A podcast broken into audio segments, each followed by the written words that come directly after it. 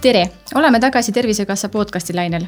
Mina olen Evelin Kruusalu, Tervisekassa avalikest suhetest ja ühtlasi selle podcasti üks saatejuhtidest. siin saatesarjas räägime ikka tervisest ja jagame soovitusi, kuidas enda ja oma lähedaste tervist hoida. saame ka kuulata erinevate inimeste kogemusi ning arutleme ekspertidega, kuidas ikka tervemalt ja kvaliteetsemalt elada. täna on mul külas Lääne-Tallinna Keskhaigla infektsioonikontrolli osakonna juhataja doktor Pille Märtin, Terviseameti nakkushaiguste epidemioloogia osakonna peaspetsialist spetsialist Kerli Reintamm ja meiega on liitunud ka üks noormees, kes jagab oma kogemuslugu äh, seoses tänase teemaga. Lauri, tere. tere. tere, tere.. me räägime täna paarist haigusest tegelikult, äh, mida põhjustab üks imetillukene putukas nimega puuk. võib-olla alustuseks vaataks õue, meil on imeilus ilm kui palju teie metsarajale või, või koduaeda toimetama olete sattunud nüüd peale seda, kui lumi on ära sulanud? veel selles mõttes vähe, noh, ma ise elan korteris, mul ei ole seda rõõmu omada, omada aeda. aga juba esimesed pargi jalutuskäigud ja metsajalutuskäigud on tehtud ja tegelikult ka jooksud. nii et juba tasapisi jõuab sinnapoole. tasapisi nina uksest välja ikka mm. -hmm kuidas teiega lood on, Pille, Lauri? Eh, samamoodi, minu maakodu on päris metsaservas. ja ma olen metsas ringi müdistanud juba siis, kui lumi vähe tagasi tõmbas, et eh, päris palju ja maakodu ümbruses eh, muru ja põõsad ja kõik tahavad juba toimetamist, hoolitsemist, et juba on näpp roheliseks tehtud. kas sinul on ka näpud rohelised, Lauri? Mul kahjuks näpud rohelised ei ole, aga sellegipoolest olen juba täitsa omajagu ka õue jõudnud, et, et eh, nii Tallinnas kuskil loodusradadel kui ka Pärnu kandis eh, maal ikkagi. et, et ähm, ilmad lähevad aina paremaks ja ikka sinna igasuguste puude ja murulapi peale jõuad ikka mm. -hmm. mul on sama lugu, et äh, nii kui natukene soojemaks läheb ilm, siis ikkagi kipub sinna õue poole ja, ja metsarajale jalutama hing tahtma Eesti on meil puukide vahendusel levivate nakkushaiguste levikupiirkond ja nendeks nakkushaigusteks on puukentsefaliit ja puukborrelioos. ja mõlema haiguse esinemissagedus püsib tegelikult, püsib üsna kõrgel äh, meil puugihooaeg kestab tavaliselt aprillist oktoobrini, kuid pehme talv äh, võib ka seda omajagu pikendada ja öeldakse, et äh, puuk muutub aktiivseks, kui maapinna temperatuur on kuni kuni seitse pluss kraadi ehk et viis kuni, kuni seitse pluss kraadi me räägime täna täpsemalt siis äh, puugi põhjustatud haigustest või tema, neid haigusi, mida ta kannab ja edasi annab, on puukentsefaliit ja puukborrelioos ja võib-olla äh, teeks nagu sessiooni, et räägiks kõigepealt, äh, mis on entsefaliit ja siis pärast, äh, kui me selle osas oleme natuke targemad, siis läheks ka borrelioosi poole peale. mis haigus on puukentsefaliit? Puukentsefaliit on haigus, mida põhjustab flaviviiruste hulka kuuluv puukentsefaliidi viirus. ja sellele viisur, viirusele on iseloomulik see, et kui tema inimese organismi satub, et siis äh, tal on kombeks jõuda kesknärvisüsteemi ja, ja kahjustada kesknärvisüsteemi, põhjustada seal siis ajukelmepõletikku või ajukoepõletikku. kui levinud ta on meie looduses ja kust ta üldse alguse saab? Äh, puukentsefaliidi viirust antakse edasi puukide poolt põlvest põlve, ehk siis puugimunadelt äh, larvad, nümfidele, larvidele ja edasi täiskasvanud puugile. ja, ja puugi nii-öelda puukentsefaliidi viiruse looduslikud kolded on pisinärilised peaasjalikult, aga ka suuremad loomad ja teinekord ka linnud. ja inimene on seal puhtjuhuslik äh, vaheetapp mööda minnes ja kogemata et eh, niimoodi selle puukentsefaliidi viiruse ringkäik looduses püsib. puuk on lihtsalt vahendaja. mitte kuskile ta siis ära ei kavatsegi kaduda? ei, seni kuni on olemas komponendid nimega puuk, eh, inimene, loodus, loomad, kõik need on olemas, siis on ka puukentsefaliidi viirus ringluses kus liiguvad eh, puukentsefaliiti kandvad puugid enim, millises piirkonnas või millise eripäraga piirkonnas meil? Puukidele meeldivad sellised rikkaliku lehekõduga, varjulised ja piisavalt niisked alad, just sellised kõrge rohuga kohad. ehk siis eelkõige on nad sellised sega- ja salumetsad, laanemetsad ja võsad. ning äh, palju on ka puuke seal, kus neil on ka nii-öelda potentsiaalseid ohvreid, ehk siis äh, näiteks loomaradade lähedal. sellepärast, et eelkõige nad tahavad külge saada ka loomadele ning muidugi võib need ka leida karja- ja heinamaadel. aga selles mõttes ei ole me ka nii-öelda ohust väljas linnapiirkonnas ning ka talude või suuremate aegade, aedade ja metsaparkide juures võib olla puukidele väga sobilikke elukohti ja ma tahan isegi omast kogemusest jagada, kuidas ma käisin ükskord oma koeraga Harku järve ääres jalutamas ja peale seda korjasin ma tema pealt ära kümme puuki. nii et äh, põhimõtteliselt on neid kõikjal. Küll aga vähem on neid sellistes rabades ja soodes ja kuivades Nõmme metsades. kui me vaatame Eesti piirkondi laiemalt, siis äh, üldiselt me loeme puukentsefaliidi kontekstis ohupiirkonnaks kogu Eestit, et me oleme puukentsefaliidi suhtes endeemilise levikuga riik, see tähendab seda, et ta esineb siin kogu aeg, kas siis hooti või hooajaliselt, noh, meil on siis hooajaliselt, algab siis aprillist kuni oktoobrini, nagu sa juba ütlesid. ning äh, enim haigusjuhte tavaliselt esineb Saaremaal, Ida- ja Lääne-Virumaal, Läänemaal, Pärnumaal ja Tartumaal meil on äh, tegelikult olnud ka juba kahe tuhande kahekümne kolmandal aastal esimene puukentsefaliidi nakatumine Saaremaal ning kahe tuhande kahekümne teisel aastal oli enim neid puugiründekohti, ehk siis äh, neid juhte, mille puhul oli võimalik tuvastada nakatumise asukoht, siis Harjumaal, Pärnumaal ja Saaremaal. Ja sealt edasi siis juba Tartumaa ja teised maakonnad. aga jah, kokkuvõtvalt ikkagi, ikkagi kogu Eesti mm. -hmm. et ei ole üks konkreetne piirkond Eestis nagu rohkem ohustatud, vaid ikka ta on seal, kus on lehed ja puud ja rohi, on igal pool puugid ja. olemas, jah. kas kõik puugid on meil haigusekandjad?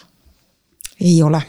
tegelikult on tehtud piisavalt äh, uuringuid ja on äh, leitud, et äh, puukentsefaliidi viirust kannab võib-olla pool protsenti kuni üks protsent kogu puugipopulatsioonist, kes meil siin elab ja, ja toimetab, et see ei ole väga kõrge. et puugil viiruse kaasas kandmine ei ole puugi jaoks tavaline nähtus. see on nagu selline rulett. jaa, seda küll enne, ennist rääkisime ka, et nagu, nagu loto, loto mängimine, et kes mm -hmm. saab jackpot'i ja, ja kes jääb õnneks ilma. just ähm, kes on sellele haigusele vastuvõtlikud, kes, kas on, on riskirühmad või, või võivad kõik inimesed olla sellele haigusele? tegelikult kõik inimesed, lihtsalt põdemise äh, raskusaste võib olla pisut erinev, näiteks immuunpuudulikkusega inimestel, eakamatel inimestel, äh, et kellel on palju kaasuvaid haigusi, et see raskusaste varieerub. aga äh, lapseeast raukaeani, et minu kõige väiksem patsient on olnud äkki aastane ja, ja ka nelja-viie-kuueaastased üldjuhul eelkooliealised lapsed põevad seda tagasihoidlikumalt ja mitte eriti silmatorkavalt. et mida, mida vanemaks äh, inimese elukaar äh, läheb ja kõrgemaks ja kaugemaks, seda tõenäosem on ka selline tõsisem põdemine enamasti on see niimoodi seotud. ja muidugi need inimesed, kes palju looduses viibivad ja toimetavad, et nendel on ka selle tõttu mõnevõrra kõrgem risk. milline on selle haiguse, puukentsefaliidi äh, kliiniline pilt ja, ja millised on sümptomid, kuidas ära tunda, kui ma nüüd avastan enda peal puugi, siis kuidasmoodi ma saan teada, et. parimal juhul saate teada kuskil kahe nädala jooksul, et midagi on juhtunud, et midagi selle puugi sees oli peiteperioodi aeg küll öeldakse kaks kuni kolmkümmend päeva, aga kliiniline praktika ütleb, et see on keskeltläbi kuskil kümme kuni neliteist päeva. ja esimeste sümptomitena tekib selline palavikuline seisund, et kui ka suve keskel tekib äkitselt kolmkümmend üheksa palavik, pea valutab, lihased, liigesed valutavad, hirmus paha on olla, et siis pigem kahtlustada juba võib-olla äkki puukentsefaliiti, mitte niivõrd grippi, sest gripp selleks ajaks kaob ära. ja noh, nohuköha ta tavaliselt ei tekita sellise üsna kehva enesetundega olemise mõned päevad. ja võib juhtuda, et sellega asi piirdubki, et pukentsefaliidi viirus klassikalisel kujul viirushaigus kulgeb kahe lainena ja, ja pooled, kui mitte kolmveerand inimestest piirduvadki selle esimese laine põdemisega ja ongi haigus läbi põetud, immuunsus omandatud ja rohkem tegemist enam ei ole sellega aga ülejäänud eh, kahjuks eh, sisenevad kuskil kaheksa, viie-kaheksa päeva jooksul teise lainesse ja vot siis on see viirus juba jõudnud kesknärvisüsteemi. ja, ja kutsub seal esile siis põletiku eh, organismi immuunvastuse, mis üritab teda sealt ära hävitada, ära viia välja. ja sellisel juhul tekivad inimesel juba tõsised peavalud, oksendamine, iiveldamine, valgus, kartus, kuklakangestus selg valutab, lihased valutavad püsti, ei seisa, tasakaaluhäired, et kõik need sümptomid kokku viivad inimese voodisse, ega ta sealt väga palju ise enam hästi välja minna ei taha. ja, ja siis on meil juba käes nii-öelda meningiitiline staadium või meningoentsefaliidi staadium, sõltub, millist kesknärvisüsteemi osa see viirus on kahjustama sattunud. kas asi piirdub ainult ajukelmetega, ajukelmed koos ajukoega või ka seljaajuga. Et mida rohkem neid piirkondi ja kohti on, seda tõsisem on haiguse kulg. ja see periood võib kesta siis mõnest nädalast kuudeni. jääknähtudega takkajärgi see tähendab seda, siis tegelikult inimene, kui ta ennast juba nii kehvasti tunneb, siis tal vajabki võib-olla enamasti ta vajab, vajab juba selles etapis haiglaravi mm. -hmm. võib juhtuda, et noh, kuna selle viiruse vastu meil spetsiifilist ravi tänase päevani olemas ei ole, et kergemal juhul ta saab ka kodus hakkama, aga enamasti inimene tunneb ennast nii halvasti, et ta siis vajab juba ka haiglaravi. aga kui ma nüüd näiteks äh, avastan enda pealt puugi kas ma peaksin kohe ise ta välja mingisuguse nipiga tõmbama kehalt või, või peaksin kellelegi helistama, kes mind nõustab või aitab? Kui on vähegi võimalik, siis äh, tuleks puuk ikkagi esimesel võimalusel välja tõmmata, sellepärast et kui see puuk on nakatunud, siis see nakatumine näiteks, ütleme, see ülekandumine puugilt, äh, entsefaliidi ülekandumine puugilt inimesele võib toimuda mõnede tundidega. et noh, puuk kinnitub tegelikult inimesele niimoodi, et me ise seda ei tunnegi esimese hooga, tal on äh, puugid on selles mõttes hästi arenenud, et nende, nad eritavad, kuidas ma ütlen, natuke sellist valu tuimestavat mm, sekreeti või eritist niimoodi, et me ei tunnegi, et kui ta on meid hammustanud. ja ta haagib end sinna päris korralikult külge. ja seega, kuna entsefaliiti nakatumine võib olla väga kiire, siis võimalusel tuleks kas äh, sellise ümara otsaga pintsettidega, kui on olemas need, või ka sellised äh, puugilassood on, millega see siis välja tõmmata.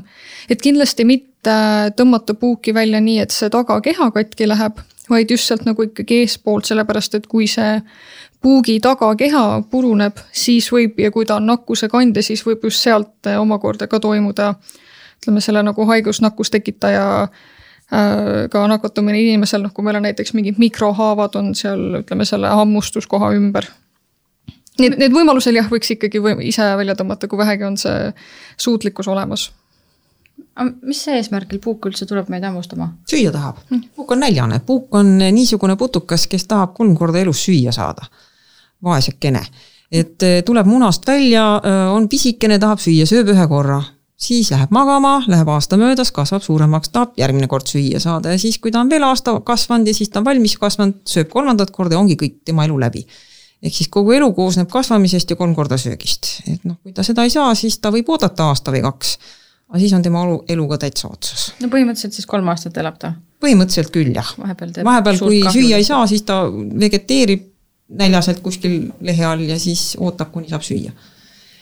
noh, viis aastat maks mm. võiks üks puuk elada, aga selle aja sees saab ta siis kolm korda süüa. ehk et kui ma avastan enda peal puugi siis heal juhul oleks ikkagi väga tervitatav, kui ma üritan ta ise sealt kätte saada, aga kui ma ei julge, helistan üks, kaks, kaks, null perearsti nõuandetelefonile või lähen otse me, meil nakkus, nakkuskliiniku ambulatoorses vastuvõtus või haigla vastuvõtus ikka astub neid inimesi läbi ja ütlevad, et no ei julge ise välja sikutada, nii hirmus ja nii jubeda koha peal ei näe kah veel et eh, kas ma ikka sain ta kätte, et siis ikka me aitame inimesel selle puugi kätte saada. aga, aga et eh, võib juhtuda, et EMO-des või, või kuskil perearsti uks on kinni näiteks õhtul kell kaheksa, tulite rannast ja mis siis saab, et eh, kõige lihtsam on ikkagi, et haarake kinni ja sikutage sirgelt välja, et Juh. pole tal vaja midagi seal oodata järgmist kolme tundi EMO järjekorras näiteks, et siis juhtuvad asjad juba ära selle aja peale ja ei pea kuidagi keerama Oih, seda puuki. otse, sirgelt välja. et puugi, puugi sellel suvistel on sellised nagad ja nende nagadega ta hoiab ennast kinni seal eh, naha sees, nii et kui tõmmata sirgelt, siis need nagad lähevad pahupidi, ta tuleb välja, nii kui keerama hakata, jääb mustkraami kinni. ma olen koeralt tõmbanud küll puuki ära, see käib niisuguse nagu raksakusega või sihuke. ta on kinni haagel, tal on suised püsti, nagad nahas kinni mm, -hmm. et ei tule lihtsalt niisama mahapühkimisega ta maha ei kuku mm. -hmm kas see on valus, kui ära tõmmata naha seest? ei ole, indu eemaldate, midagi ei juhtu samamoodi, võib-olla veel valutum. ta lihtsalt näeb jõle välja, liigutab mm -hmm. ja on elus. jah, vastik ikka natukene aga kui sa, Pille, nüüd rääkisid, et äh, see on nagu kahefaasiline äh, haigestumine võib olla. Äh, kui, kui mitu patsienti nakatunutest vajab haiglaravi või Kerli, oskad sina statistika poole pealt? nakatunutest ma ütlengi, et, et võib olla ka terve hulk inimesi, kes nakatuvad ja ei põe üldse mitte kuidagimoodi, et see on nakkushaiguste puhul üsna tavaline, et on inimesed, kes põevad selle ilma märkimisväärse sümptomaatikata läbi, siis on inimesed, kellel on mõistlik ja mõõdukas sümptomaatika, ütleme näiteks antud juhul üks laine. ja siis on väiksem hulk neid, kellel on siis klassikaline kahelaineline kulg. võib-olla kümnest kolm, kaks satub tõsisema situatsiooniga haiglasse nendest, kes nakatuvad, aga ega me kõiki ju üles ei otsi, kes on pihta saanud. kui sümptome pole, siis mis asja ma siis uurin endast?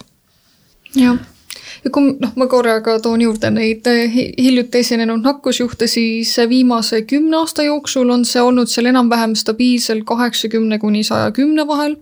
kahe tuhande kahekümne teisel aastal registreeriti Eestis sada kolmkümmend kaheksa uut puukentsefaliidi juhtu ning äh, kõige sellist kõrgemat tippu me nägime üheksakümnendate teises pooles, üheksakümne seitsmendal, üheksakümne kaheksandal aastal, kui juhtude arv oli üle neljasaja. kuid alates sellest ajast on uute nakkusjuhtude arv olnud üsna sellises languses pigem ning aga ka Euroopas me näeme neid juhte, neid registreeritakse enim Kesk-Euroopas. näiteks viimase kümne aasta jooksul on registreeritud siis umbes kolm tuhat juhtu iga aasta, noh mille sees on siis ka Eesti omad ja kahe tuhande kahekümne esimesel aastal näiteks registreeriti kuussada juhtu Tšehhis ja üle neljasaja juhu Saksamaal. noh, võrreldes Eestiga see tundub palju rohkem, aga noh, samas kui me mõtleme ka, et meie populatsioon on palju pisem, siis noh, tegelikult meil on ikkagi neid juhte päris palju esineb aga millised on haigestumise tagajärjed või tüsistused? et kui sa nüüd põed ära need mitu, mitu lainet, et äh, kõige tõsisemate tagajärgedega on siis äh, klassikalise kahelainelise haiguskulu läbitegemine. et kui kesknärvisüsteem on juba kahjustada saanud, et siis selle äh, kahjustunud osa või tegevuse taastumine võtab teinekord kuid aega, ehk siis kui inimene on äh, sellest esimesest ägedast perioodist väljas, ehk siis ei iivelda, ei oksenda, ei ole enam palavikku, juba seisab püsti, saab käia ja süüa-juua, siis ikkagi võivad tagajärgedeks olla veel äh, kognitiivsed häired, siis inimene ei mäleta nii hästi, võib-olla väsib kiiremini, peavalud esinevad sagedamini et äh, see võib võtta veel kuid, enne kui sellest välja tulla ja, ja kahjuks väga palju äh, noh, ütleme põhjuslikku ravi siin teha ei saa, et kui me viirust tappa ei saa, siis see, mis kõik toimub, on organismi Äh, tasapisi taastumine, milleks on füsioteraapia, kõikvõimalikud muud abivahendid, aga inimene peab ise sellest välja tulema. on ka mingisuguseid selliseid äh, tõsisemaid äh, kas jääknahud on vist selle ja, õige ja. nimetus, et mis jäävadki elu lõpuni? no on äh, puukentsefaliidi letaalsus ehk siis suremus puukentsefaliiti on kuskil null neli kuni üks protsent ja, ja väga tõsised jääknahud ongi sellised, eh, mis tekivad siis, kui inimese kesknärvisüsteem on üleni pihtas olnud, et seljaaju, eh, ajukude, eh, ajukelmed, et siis võib tekkida ka halvatus ja, ja tõsine liikumispuue näiteks sinna juurde või teinekord ka vaimsete võimete nii tõsine taandareng, et inimesest enam väga palju asja ei ole, võrreldes varasema elu etappidega. on meil Eestis ka juhtunud sedasi? ikka on juhtunud mm. -hmm. aga kuidas me ennetada saame? Üldse. Valge toas, ärge minge välja. Et eh, see oleks nagu kõige lihtsam, et siis, no muidugi siis ei tohi lasta endale ka lilli tuua ja, ja lemmikloomi ei maksa pidada ja, ja külalisi ei maksa kutsuda, järsku mõni toob riietega tuppa, kes äsja metsas mätta peal istus. et eh, niimoodi saaks küll jah, aga põhimõtteliselt mõned võtted siiski on, et kui looduses käia, siis pikad käissed ja, ja heledad riided oleks muidugi klassika, ma arvan aga, aga on olemas ka äh, putukatõrjevahendeid terve rida, mida kasutatakse ja, ja mille kohta on pudeli peal kirjas, et tõrjub ka puuke mõne peria, noh mõne aja jooksul näiteks riietelt või nahalt, et need on erinevad. et sellest võib ka abi olla ja, ja mõistagi, et kui äh, tuppa juba tuldud on, et siis äh, maksab vaadata päris hoolega kas mõni tegelane kuskil sibab ringi ja otsib paremat kohta, sest noh, puugil oleks vaja ka pehmemat kohta, ega ta siis igasse kohta naljalt sisse ei löö, sõrme ots on nii paksu nahaga või tallealune, et no ei iialgi, sealt ei lähe ühegi nokk läbi. tal oleks ikka vaja põlveõnnalt või kubet või kõrvatagust või mõnda toredat kohta. et äh, tõenäoliselt ta mõnda aega sibab ringi, enne kui noka sisse lööb. ja seda me ei pruugi tähele panna. Ehk et sellise õhema nahaga piirkonnad kehal ja, ja, tuleks, ja, ikkagi, tuleks ikkagi silmaga üle mhm. käia, et vaadata, et ega keegi seal ei toimeta mm. -hmm. ja noh, heledad riided on hea selleks, sest pisikepuuk on must ja ta lihtsalt ta paistab hästi välja, et seal on see loogika mm. -hmm. mütsi võiks ka panna pähe, kui metsas liikuda, kui ta just linnupesa all ei seisa tükk aega või põdraga niimoodi ei toimeta, et puuke.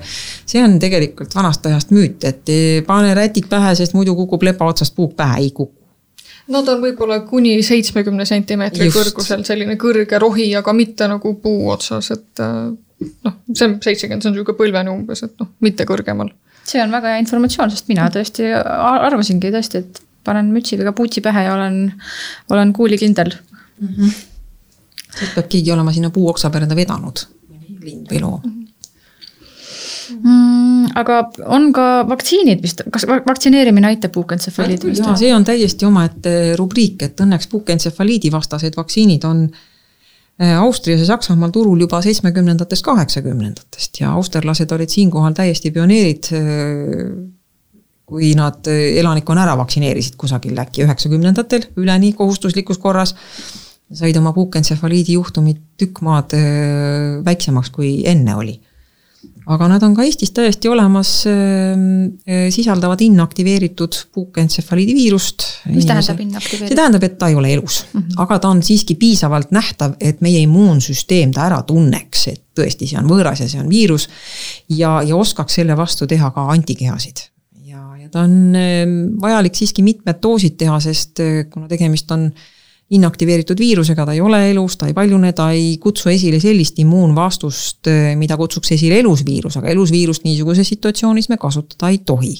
et see on eluohtlik, aga inaktiveeritud viiruse puhul ongi vaja siis mitut süsti ja puukentsefaliidi viiruse mõlemad vaktsiinid on eh, klassikalise skeemi kohaselt esimesed kolm doosi esimene ühe kuni kolmekuulise vahega, teine või kolmas äh, umbes aasta pärast ja siis edasi, kas äh, kolme-viie aasta tagant äh, oleks vaja korrata. et värskendada oma immuunmälu.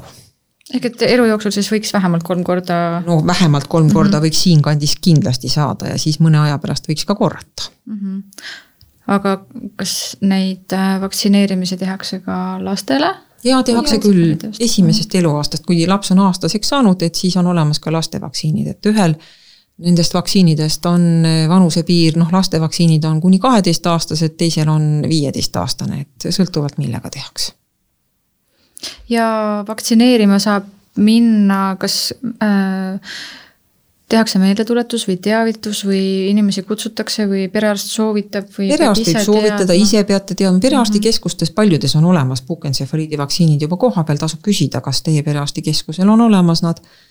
ja, ja siis saab ära teha ja siis pannakse ka meeldetuletus peale, et kui on noh, üks doos tehtud, et tulge palun kuu aja pärast tagasi ja siis palun aasta pärast tagasi. aga sealt edasi usin, usin perearst suunab ja jah, meil sellist mitme aasta pikkust teavitussüsteemi head kahjuks veel ei ole, et tuleb kas ise silmas pidada või siis noh, nüüd juba digilukku pannakse ka ikkagi, et noh, et digilugu on meil nüüd ikkagi enam-vähem alates kahe tuhande kümnendast aastast peaks ikkagi rohkem sellist terviklikumat infot omama kõigi inimeste jaoks. nii et saab ka siis arst sealt välja võtta või saab ka inimene ise välja võtta oma e-immuniseerimispassi vaates. ja aga ta riiklikus immuniseerimiskavas ei ole puugivaktsiini? ei ole, nii et ta on tasuline nii lastele kui täiskasvanutele. noh, sõltuvalt asukohast võib üks doos maksta seal kuni kolmkümmend, nelikümmend eurot niimoodi siia-sinna, aga noh, see väga sõltub pakkujast ka ja. aga jah, umbes niimoodi. kahjuks jah, ta ei ole veel meil immuniseerimiskavas. aga miks äh, inimesed nakatuvad sellesse haigusesse, koerad-kassid, nemad? kannavad viirust edasi täitsa kenasti kannavad edasi, et ta on äh, loomadel täiesti olemas. Äh, on kirjeldatud jah, et kariloomadel võib ta ka üht koma teist korraldada, aga mitte nii silmatorkavalt ja, ja toredasti, nagu inimestel on, on nakkushaigusena näha, aga, aga kannavad nad seda sellegipoolest noh, loomad on sellega nagu kohastunud aja jooksul, et inimestele ta on nagu hiljem jõudnud. just aga seal edasikandmise puhul, äh, nendel ei ole ju mingeid sümptomeid ega halba enesetunnet, aga nad lihtsalt ei, on. Nad lihtsalt on. ja siis kannavad. läheb üle üks hetk või kas ja. nad annavad selle edasi ka kuidagimoodi kellelegi? Inimesele nemad ju ei suuda edasi anda. ei suuda, tõsi küll, on kirjeldatud juhtumeid, kus kitse või lehmapiimaga, et kui kits või, või lehm on parasjagu vireemia staadiumis, ehk siis tal on äh, esmane äge nakatumine, aga ta ei ole kuidagi teistmoodi, ei näe välja ega käitu. et kui sellise looma piima tarvitada, siis äh, võib juhtuda, et ka sedetrakti limaskesta kaudu see viirus satub ja siin Eestis mõned puhangud on olnud küll Eh, kus on eh, mitu inimest tarvitanud näiteks eh, ägedas nakkuse perioodis loomapiima ja saanud hoopiski sedapidi nakkuse. jah, see on pastöriseerimata. täiesti toorpiim, no totaalselt toorpiim. et kuidagi poepiimaga seda ei, ei saa juhtuda. õigus, õigus vaktsiini efektiivsus muidu, kui see esmane vaktsineerimise kuur ehk siis need kolm doosi on tehtud, on nakatumise vastu ligi sada protsenti või siis üheksakümmend üheksa kuni sada protsenti, et väga kõrge. aga jah, ta peab siis ikkagi kas selle vähemalt äh, esimene kord siis kolme aasta pärast uuendama ja siis pärast siis iga viie aasta tagant uuendama, et seda hoida. sest noh, muidu hakkab see antikehade tiiter. tiiter, noh, ta langeb niikuinii mõne aja pärast, aga, aga siis äh, immuunmälu jah, võib-olla, et ei ei püsi nii kaua, aga tegelikult eh, noh, minu kliinilises praktikas, mida on pluss-miinus kakskümmend viis aastat, ei ole ma näinud pea kedagi, kellel on kolm doosi tehtud või neli, et oleks puukentsefaliidiga haiglas olnud mm. -hmm. Neid, kellel on tehtud üks doos või kaks doosi, neid olen ma mõnda näinud. et ei maksa pooleli jätta aga kui pooleli jääb kogemata, siis otsast alustama jälle ei pea. see on selle vaktsiini puhul väga hea teada. jätkad sealt, kus oli ehk et see äh, riskantsus on mõnevõrra siis väiksem, kui sul on pooleli ja. jäänud ja, ja satudki hammustuse ohvriks. mis haigus on puukborrelioos? Puukborrelioos on nüüd äh, erinevalt puukentsefaliidist bakterhaigus, seda tekitab äh, spiroheetide hulka kuuluv äh, borreelia bakter ja bakter on viirusest natukene kompaktsem tegelane, et tal on rohkem geneetilist informatsiooni, tal on rohkem organelle ja, ja ta püsib siis paremini koos ja, aga samas vajab ta ka rohkem äh, energiat ja puukborrelioosi äh, tekitaja borreelia bakter on siis selline spiraalikujuline äh, tegelane, kes samamoodi puugis elab äh, ja tegelikult ta elab puugi tagumises otsas, lümfisüsteemis äh, ja, ja tema poolt tekitatud haigus on siis bakternakkus. et kui see bakter satub inimese organismi, siis tema levib pikkamööda, mööda veresoonte sisekesta endoteeli ja, ja siis sealt aegamisi küll väga, võtab aega, tükk aega, enne kui ta sealt hammustuskohast kuskile kaugemale rändama hakkab, aga, aga ta võib sealt edasi rändama hakata ja siis on haiguspilt juba, juba mitmekesisem ja kirjum kui ehk puukentsefaliidi puhul. Ja sarnaselt äh, entsefaliidile on ka tegelikult borrelioosiga nii, et loomad on nende bakterite kandjad, kes ise ei nakatu. Ja siis puugid samamoodi. äh, vahendavad seda, nad on, ütleme korra oma elutsüklis imenud verd siis mõnelt loomalt või näriliselt või kellel, kes parasjagu selle borrelioosiga nakatunud oli. ning siis nad jõuavad inimeseni ja jah, siis et see ei ole kuidagi nii, et puuk justkui eritab mingit mürki või noh, et lihtsalt ongi, kui puuk kinnitub, siis tema selle sülje kaudu see nakkustekitaja jõuab siis inimese sisse või noh, inimese orga-, organismi no puukborrelioosi puhul on selles mõttes erinevus, et kui puukentsefaliidi viirus satub kähku, nii kui noka sisse lõi, nii ta juba läks siis borreelia puhul on äh, bakter suur ja priske ja teda on seal palju, et selleks, et ta puugi seest inimese sisse satuks, läheb ikka nelikümmend kaheksa, kakskümmend neli, nelikümmend kaheksa tundi võtab aega, nii et tal peab tükk aega aega olema süüa. enne kui kõik see söök seal ära seguneb ja siis ringiratast tagurpidi jälle sinna söögikohta sisse satub, et see võtab aega mm. -hmm ahah, siis eh, ehk et eh, see on nagu vähem riskantsem nakatuda? jah, aga siis, kui sa seda puugi lapsukest tähele ei pane, kes on eh, nümfistaadiumis pastakatäpist pisem, et siis jah. siis on siiski teised siiski on teised ohud noh, sama küsimus, et kui levinud äh, borrelioos, puukborrelioos meie, meie looduses on, ehk et kas kõik puugid kannavad seda? ei, ei., samamoodi, väga vähesed puugid, aga ometigi borrelioosi on, äh, on siiski kliiniliste juhtudena rohkem kui puukentsefaliiti jah, tegelikult sellel kahe tuhande kahekümne kolmandal aastal meil on juba tuvastatud sada nelikümmend kaks puukborrelioosi või laimitõve juhtu. et noh, et kuna äh, Äh, borrelioosil on need nagu äh,, kuidas ma ütlen, need jääknähud ja need on nagu Staadiumid palju pikemad, pikemad, siis noh, need nakatumine on toimunud juba varem, et noh, sellepärast me oleme ka juba selle aasta jaanuaris-veebruaris nii palju neid tuvastanud, et aga noh, see nakatumine ise toimus juba nagu hiljem, eelmisel aastal. eelmisel aastal, ammu aega tagasi juba. et borrelioosi puhul jah, on, on selline lugu, et peiteperiood on taas kuskil kaks nädalat kuni kuu aega. Ja siis on see bakter paljunenud üles seal hammustuskohas nii palju, et ta tekitab esmalt nahanähud et klassikalisel juhul tekibki sinna äh, hammustuse piirkonda lööve, mis läheb tasapisi suuremaks, vastavalt kuidas see bakter seal edasi nihkub. Veresoonte, väikeste veresoonte pidi ja, ja siis see lööve püsib mõnda aega, mõned nädalad. ja kaob ise vaikselt ära ja võib juhtuda, et kogu haigus sellega jälle piirduski, et oligi kõik aga teinekord satub see bakter rändama ka kaugemale ja võib siis jõuda liigesteni ja samuti kesknärvisüsteemi ja põhjustada seal haigusnähtusid ja see võib omakorda aega võtta kuskil kuus-kaheksa kuud.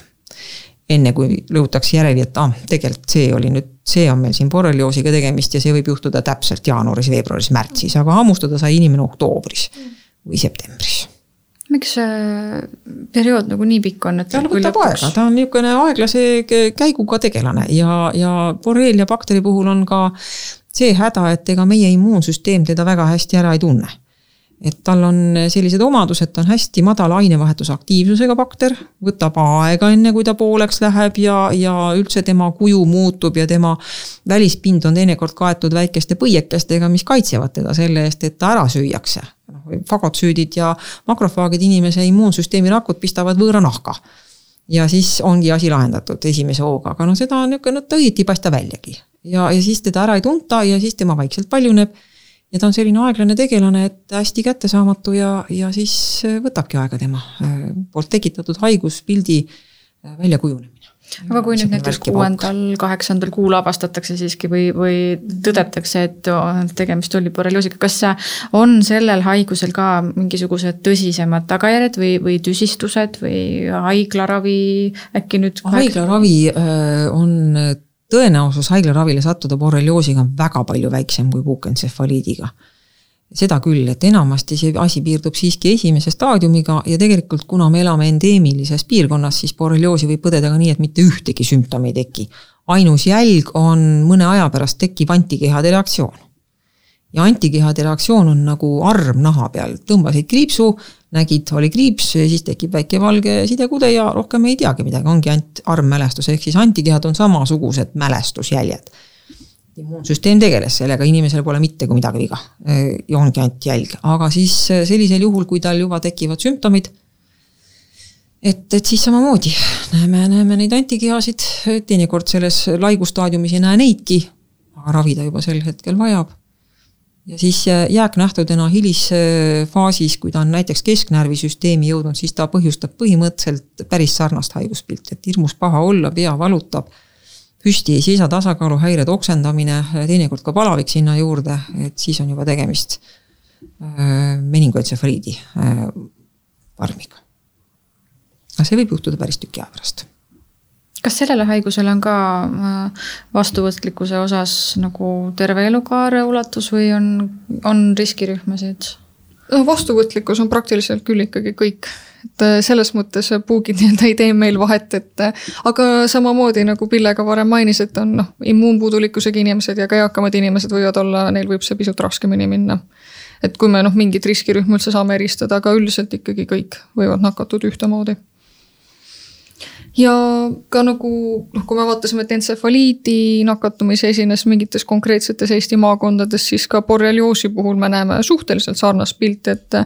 näiteks kahe tuhande kahekümne teisel ja kahe tuhande kahekümne esimesel aastal oli neid nakatumisi enim, noh, mida oli siis võimalik tuvastada Harjumaal, Saaremaal, Tartumaal ja Pärnumaal kui üleüldse rääkida ka sellest Eesti statistilisest pildist, siis meil on äh, uute juhtude tuvastamine on pigem olnud tõusutrendis et me hakkasime üldse neid andmeid koguma üheksakümne teisest aastast ning näiteks kui kahe tuhande kolmeteistkümnendal aastal registreeriti Eestis tuhat ükssada kolmkümmend kaks juhtu kokku, siis kahe tuhande kahekümne teisel aastal olime, registreerisime juba kaks tuhat kuussada kolmkümmend juhtu.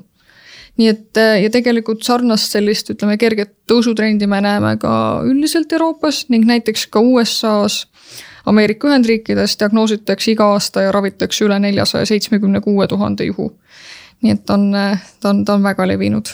aga mis põhjusel meil selle haiguse vastu vaktsiini ei ole?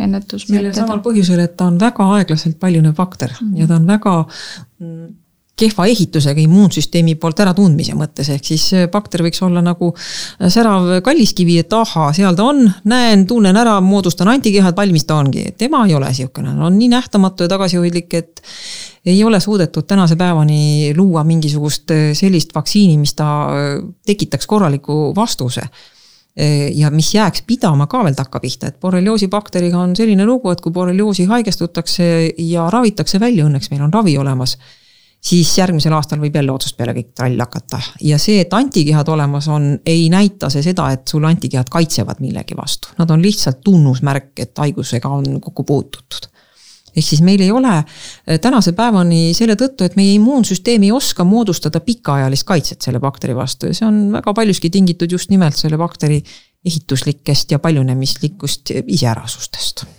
see tähendab, et ainukene ennetusmeetod ongi siiski? enneta puugiga kohtumist põhimõtteliselt. Ja, ja no kui juba pihta on saadud, siis õnneks on olemas ka antibakteriaalne ravi.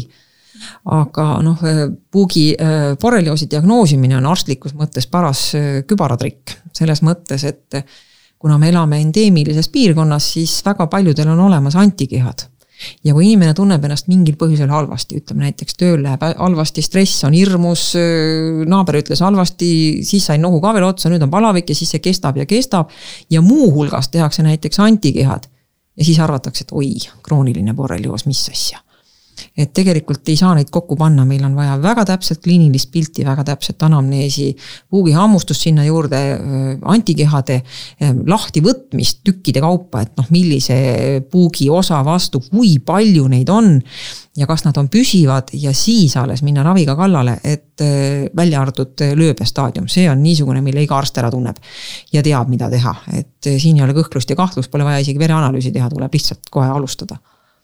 Aga et et, teinekord neid äh, seroloogilisi analüüse äh, võetakse muuhulgas ja siis võib tekkida mõte, et aga äkki see on borrelioos, aga tegelikult ikka ei ole. noh, siin on, siin on natuke raskem koht, meil ei ole võimalik seda bakterit mm, külvata, mikroskoobiga kuskilt vaadata ja siis öelda mingist materjalist, et vot, võtame tüki su küljest ära ja vaatame, kas seal on borrelia bakter sees, hästi ei saa. no ei ole ühtegi head meetodit saab määrata muidugi bakteri äh, geneetilist materjali, kui õnnestub näiteks liigesvedelikku kätte saada. või, või mõnda muud sellist materjali, et äh, see ei ole väga sage. et see võib ka anda oma osa juurde sellele, et meil on nii palju haigusjuhtumeid, kas nad kõik täpselt borrelioos on iseasi. aga ta on jah, selline kaval aga see lööve tekib just sellesse puugihammustuse kohta. enamasti küll, võib olla ka niisugune lööbemoment, et on mitu lööbeelementi mm. ja nad on erinevates kohtades, et äh, see on nüüd küll palju haruldasem variant, aga siiski selle hammustuse koha peale jah, tekib see lööve, see on küll õige märkus ehk et borrelioosi puhul, puukborrelioosi puhul tekib lööve mm, -hmm. aga entsefaliidi puhul ei. mitte midagi. mitte midagi. Mm -hmm. väga huvitav. kui me nüüd enne natukene mm, käsitlesime ka müüte mul on siin mõned punktid on kirja pandud, mis on nagu äh, rahvatarkuse ravimeetodid ja alternatiivsed ravimeetodid ja müüdid. sellest me juba rääkisime, et tuleb, tuleks kanda heledaid riideid. ja sellest me ka rääkisime, et miks ei ole sellest mütsist kasu, on ju. et äh, puuk ei ole lihtsalt nii kõrgel, et ta sinna otse lagi pähe lendaks aga ma olen ka kuulnud selliseid jutte, et kui, äh, kui on äh, puuk on juba hammustanud, et siis äh, sa lõikad selle haava lahti ja siis imed selle mürgi, mürgi oma suuga välja, et seda mürgistuse kogust vähendada, kas see on tõhus meetod, on seda praktiseeritud või see on lihtsalt selline vanarahva jutt? siis võib just suurema tõenäosusega nakatuda või noh, kes see siis seda aga inimesed on teinud selliseid asju, olen mina näinud ka, et nuga sisse ja võtan välja ja vaatame, mis saab, et või lähen mingisugune suuremat sorti riistaga kallale, et äkki siis saan kõik kätte või. määrin sinna peale mõne põneva materjali, mille ma oma apteegi, koduapteegi kapist leidsin või. ja siis ei saa hakkama sellega ja siis tuleb seda saba eemaldama, enne on juba tükk aega vaeva näinud. tehakse küll selliseid asju jah, suure hirmuga, aga ega tast kasu ei ole sest kui midagi peale määrida, siis on seda puuki pärast ju raskem kätte saada. just, puugiga on ka see lugu, et kui midagi peale määrida, siis vaene loom lämbub ära ja kõik, mis ta sees oli, oksendab joonelt sinna mis mhm. veel temast järgi jäänud oli, kõik on seal sees. ehk et õli ei tasu ka puugile või võid või? ei, ei maksa lämmatada teda. siis juhtuvad asjad. Et ikka otse välja. sirgelt välja, kõik. ja et see on kõige. no visake palun tulle või kuskile mujale või noh, ega ta tõenäoliselt väga palju sööma ei lähe enam, aga jah, see on ka mm. nagu äh, minu vanaema tarkusest peale tarkusega kaasa antud, et äh, kui loomalt puugi välja tõmbab, siis tuleb ta kähku ära põletada või. see oleks muidugi kõige kavalam, aga ega siis kohe sellepärast lõket peas hüütama kodus hakkama. vetsupott on ka täitsa okei okay alternatiiv. sealt uuesti välja ei roni, ega on ju. noh, ikka pisi tuleb peale tõmmata ka, aga, aga jah selge, aga meil on äh, stuudios ka Lauri külas, kes lubas jagada kogemuslugu seoses puukidega mis lugu sul jagada on, mis sinuga juhtus?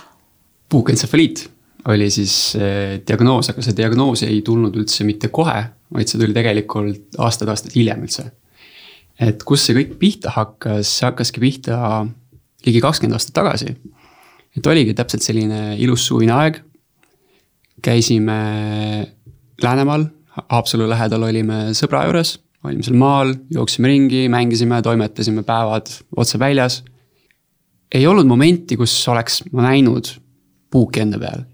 aga see, et jalad olid kuskil marraskil ja kuna me seal ikka mingit, tegime mingit tööd ja toimetasime ikka aktiivselt. siis tagantjärgi on, oli arvamus, et tõenäoliselt kuskil see puuk sealt käis üle, kus oli marraskil.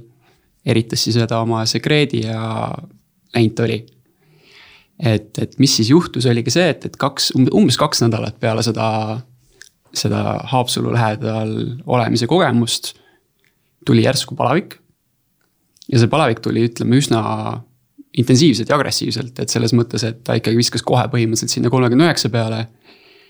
teine päev oli juba kolmekümne üheksa ülemine pool ja siis ta juba läks üle neljakümne kolmandaks päevaks. Et väga huvitav oli ennem kuulda neid äh, puukentsefaliidi sümptome, siis ma peas, peas mõtlesin järjest nii, ahah, oli, see oli, see oli, see oli et enamus nendest äh, sümptomitest käis mul ka läbi. et mida ma mäletan kõige nagu erksamalt, oligi just see valguse kartus. et see oli reaalselt selline, et kõik kardinad sai ette tõmmatud, sealt, kus oli mingisugune valgusleke, sinna sai veel mingid padjad ja tekid ette pandud, et, et. Äh, see oli selles mõttes ikkagi väga kiirelt ja intensiivselt ta tuli.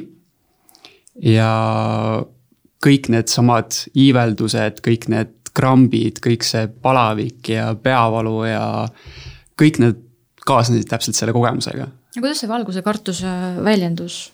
oli silmadel hästi valus või pea hakkas valutama? oli silmadel valus, oli pea valus, ta kuidagi, ta tekitas sellist iivelduslikku tunnet, et see on hästi nagu keeruline, keeruline on seda kirjeldada, aga ta oli selline intensiivne, selline nagu surve tekkis üle keha.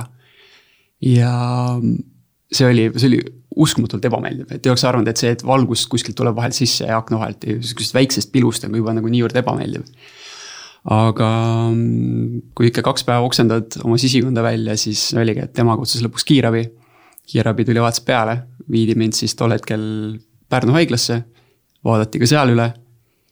Ja ma mäletan seda, et mind viidi kuhugi palatisse, kus mul keerati mind kõhuli võeti üks süstal, ma mäletan väga hästi seda süstalt ja ma veel paremini mäletan selle süstla valu lükati ta ala selga mulle, tehti miski süst ära ja peale seda, oli mingisugune hommikupoolne aeg. ja ma magasin kaheksa tundi järjest keset päeva. ja siis õhtul korra ärkasin üles. väga teadvel ma sel, tead-, teadvusel ma sel hetkel nagu ei olnud.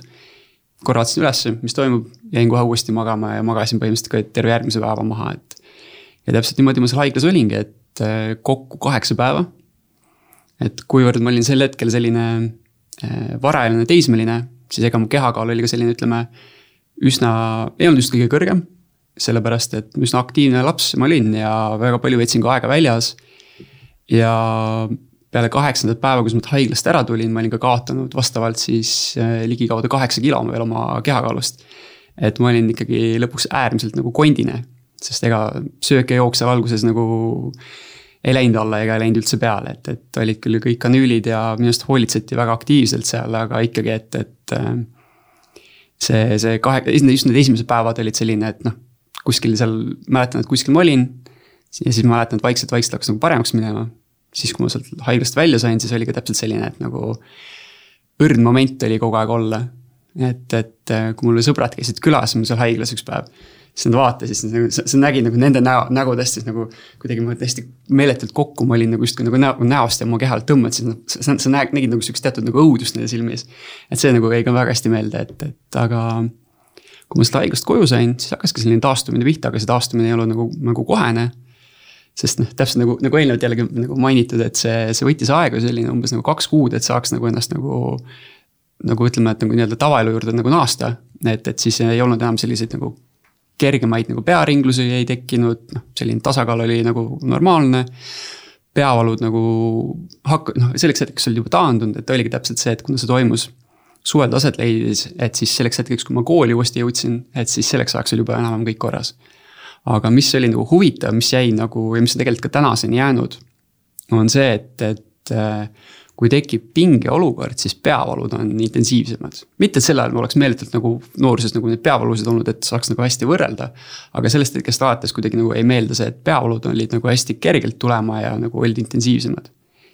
ja aastaid hiljem üks asi, mis veel diagnoositi, oli tinnitus. et, et ka seda ma käisin äh, ravimas, seda ma käisin Tartus ravimas. ma olin vist paar päeva ma seal Tartus olin seal tehti mulle sellist protseduuri, kus ma hingasin puhast hapnikku paar korda päevas, mulle tehti süste. ja siis ma lihtsalt seal olin need paar päeva, et see leevendas seda tinnituse intensiivsust. ta vähesel määral on mul tänaseni alles, aga see absoluutselt enam ei sega mind. et sel hetkel, kui ma selle entsefaliidi sain, ilmselgelt vaktsiini mul ei olnud. et, et kuidagi see tundus nii abstraktne sel hetkel, see mingi puukentsefaliit, et, et ei, ei tulnud ise selle peale. ei saa ka oma vanematele kuidagi siin ette heita seda, et miks nad seda mulle ei soovitanud või midagi, et see teavitustöö avalik ei olnud ka kindlasti selline, nagu ta tänapäeval juba on, et, et äh, ta tuli hästi kiirelt, hästi nähtamatult ja hästi intensiivselt. ja ta kadus ka siis hoop-, hoopis vastupidiselt, pigem hästi-hästi vaikselt ja teatud määral on ta alati minus ka nüüd olemas. vaktsineerima ma uuesti siis ei pea minema enam, kuna ma nüüd ma olen immuunne selle vastu, nii et äh, nagu varasemalt mainiti, siis sihuke huvi, väga huvitav looduslik äh, noh, jutumärkides lotovõit siis minu üle. päris ekstreemne immuniseerimise võimalus on see läbipõdemine sellisel viisil ütleme nii, et ma ei soovita teistele mm. -hmm. et äh, väga palju lihtsam on minna meditsiinilise professionaali juurde, kes selle ikkagi ära teeb. sa mainisid, et, äh, et sul äh, tekkis peale seda tinnitus ja on mm, -hmm. on ka siiamaani, kas sa seletaksid võib-olla või kirjeldaksid, mis see tinnitus on?